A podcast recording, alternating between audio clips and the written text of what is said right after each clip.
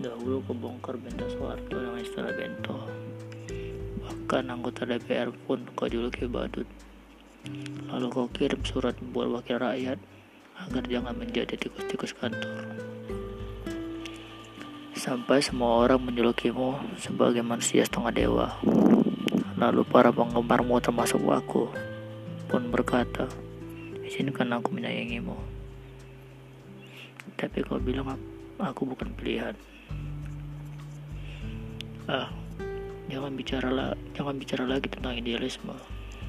Karena aku lihat kau ada siang di seberang istana. Lalu masuk dengan makan siang bersamanya. Entah apa yang terlupakan olehmu, hingga tak ada lagi kemesraan di antara penggemarmu. Mungkin karena mereka sudah frustasi. Kini aku sadar, yang ada hanyalah demokrasi nasi. Jika Bung Hatta masih hidup mungkin akan berkata kepadamu bahwa kau bagikan belalang tua yang tak mampu lagi menganalisa.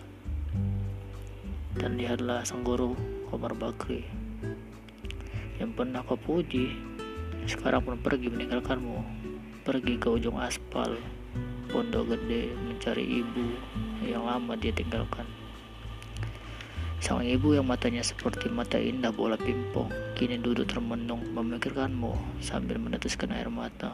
Lalu bergumam lirih hmm hadapi saja walaupun harus hancur